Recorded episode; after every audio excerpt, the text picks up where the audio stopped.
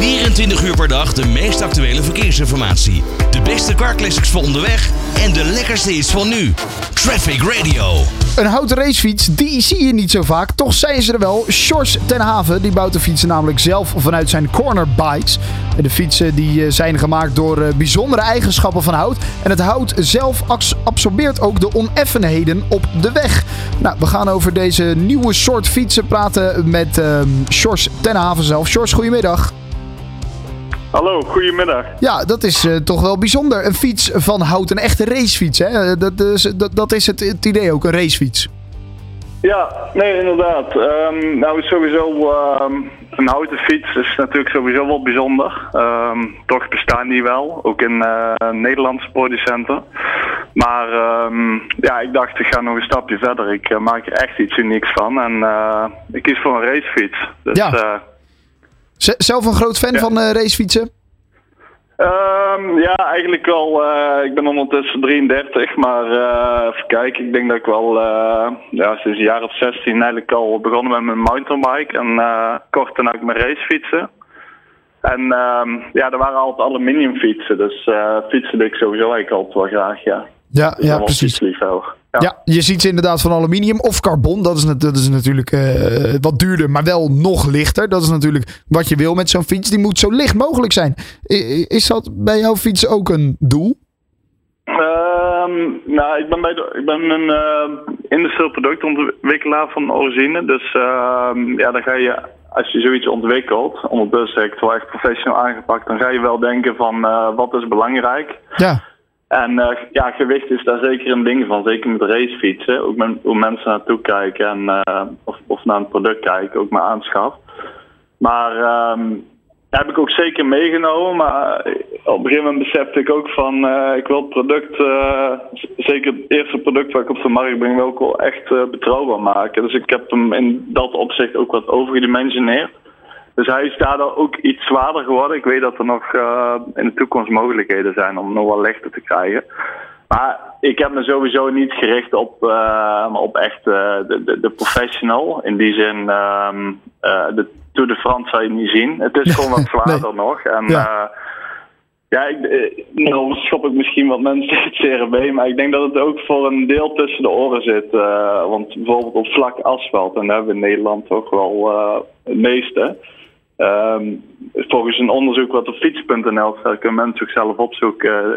Uh, op een uurtijd, een rit van een uurtijd met constante snelheid, moet ik er wel bij zeggen, schildert, schildert maar een seconde. Dus um, per kilo dan heb ik het dan over. Hè? Ja, ja, ja. ja. Dus, als, dus ja, het, het, is belangrijk, maar um, ja, of die kilo van je fiets afgaat of van je lichaam, dat maakt in principe niet uit. Dus uh, het is gewoon voor de mensen die iets minder gefocust zijn op gewicht en die wel echt iets enorm bijzonders willen hebben. Nou, en dat is het zeker. Het ziet er ook fantastisch uit. Wanneer dacht je, dit moet ik gaan doen, een houten fiets bouwen?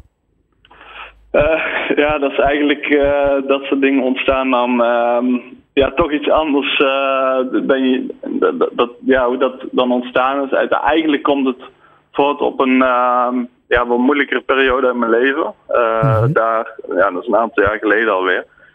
Toen ben ik gaan kijken, waar krijg ik weer energie van? Uh, ben ik begonnen met een CNC-machine te bouwen. Dus uh, ja, dan kan je computergestuurd uh, eh, 3D-modellen die je getekend hebt uitvrezen. Dus eigenlijk, om het even heel simpel te zeggen, dat is een omgekeerde 3D-printer. Ja, ja, dus kan je ja. gewoon heel nauwkeurig vormen uit hout snijden.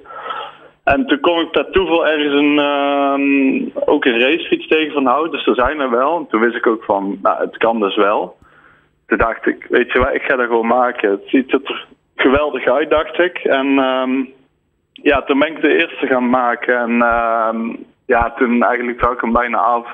Dat vond ik al zo geweldig. Niet eens, kon ik niet eens op fietsen, want ik had wel foutjes gemaakt. Uh, dus ik dacht van, ja, weet je, het is enorm spannend. Maar um, ik, ik, ga voor mezelf beginnen en ik, uh, ik ga dit echt professioneel aanpakken. En ja, toen uh, van het een is het ander gekomen. Dus ja. heeft uh, anderhalf jaar ontwikkeling in gezeten. En hoe, hoe rijdt... Hoe, ja, dat ja. snap ik. Want hoe rijdt die fiets inmiddels? Ik kan me voorstellen dat je er zelf natuurlijk uh, vaak wel ook op rijdt. Ja, zeker. Nee, dat is. Uh, ik, ik ben er uh, juni afgelopen jaar ben ik helemaal mee naar Oostenrijk gefietst. Dus echt met tent en al. Ja. Gewoon ehm, ook omdat ik dat eh, leuk vind natuurlijk, eh, uitdaging. En, eh, maar ook als een echt een goede test. Ik had al eh, heel wat dingen gedaan eh, om te kijken hoe het zat met sterkte en zo. Ja. En ehm, ja, dus eh, dat is een grote tocht. Maar ehm, ja, nu is het weer even minder. Maar in principe, eh, ehm, ja, dit is gewoon mijn, mijn dagelijkse fiets, ja, zeker. Dus Ja, dus, dus dit is jouw dagelijkse fiets. Nou en, en dat bevalt dus goed inderdaad. Dat, eh, nou ja, dat eh, kan ik van jou eh, natuurlijk wel, wel aannemen. aangezien je hem zelf ook aan het bouwen bent. Hoe, hoe gaat dat proces eigenlijk? Moet je dat echt nog allemaal zelf doen in, je, in je werkplaats?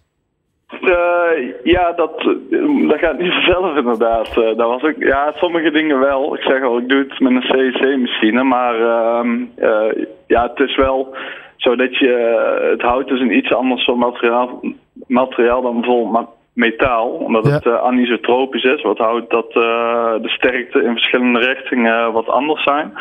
En dat wil zeggen dat je verschillende delen hout met elkaar moet verlijmen. Om het ten eerste eh, het juiste stukje hout op de juiste plek te krijgen. Dus er komt best wel wat ehm, ehm, werkzaamheden die met de hand gedaan moeten worden. En dan uiteindelijk maak ik twee helften. Eh, die vrees ik van binnen en buiten. Dus eigenlijk eh, heb je dan vier delen voor het... eh, voor de voorste driehoek en dan de achterbrug. En dan doe ik alle delen met epoxylijm met elkaar verlijmen. Dus dat is wel echt een van de betere lijmen. En dan natuurlijk afwerken, zodat het ook voor weer een wind in gebruikt kan worden. Ja, ja, dat is natuurlijk ook belangrijk. Nou, het hout heeft ook allemaal voordelen natuurlijk. Dat het allemaal, eh, eh, onder andere dat het natuurlijk ook goed die, die schokken eh, kan, kan opvangen. Dat is denk ik ook wel een van de voordelen van hout, toch? Ja, zeker. Daar heb ik ook wel zeker als een argument om zoiets te nemen naar voren gedragen. Want ja, voornamelijk in de achterkant, omdat je daar de, de, het wegoppervlak gaat zeg maar door het wiel heen en dan door het frame gaat het eh, naar je zadel toe en dan is er al heel veel eh, vibratie uitgefilterd. En de Ja. voorkant is dat iets anders, omdat ik hem verkoop met een eh, ingekochte carbon voorvork. En ja, dan heb je wel eh, wat meer contact eh, met het carbon. Het, het hout filtert er wel iets uit, maar voornamelijk aan de achterkant eh, filtert er iets uit. En ehm, ja, ik heb wel mensen op laten fietsen, ook eh, semi-prof. En eh, ja, die was aangenaam verrast ook, gewoon überhaupt met het gevoel en ook met de stijfheid. Ja, ja hij, ziet er ook, nog. ja hij ziet er ook prachtig uit. Je kan hem vinden op jouw website cornerbikes.com. En dan zie je zo'n prachtige mooie houten fiets. Ik wens je er nog heel veel succes mee, Sjors. Maar volgens mij heb je een, mooi product in handen. Ja, nou, dat is leuk om te horen. Dus leuk dat jullie contact hebben gezocht. Mooi Dus, eh, man. eh, ja, zeker. Eh Sjors ten Haven, de man van de Cornerbikes en eh, zijn houten fietsen. Waar je ook heen rijdt, wij gaan met je mee van A naar B. Traffic Radio, always on the road.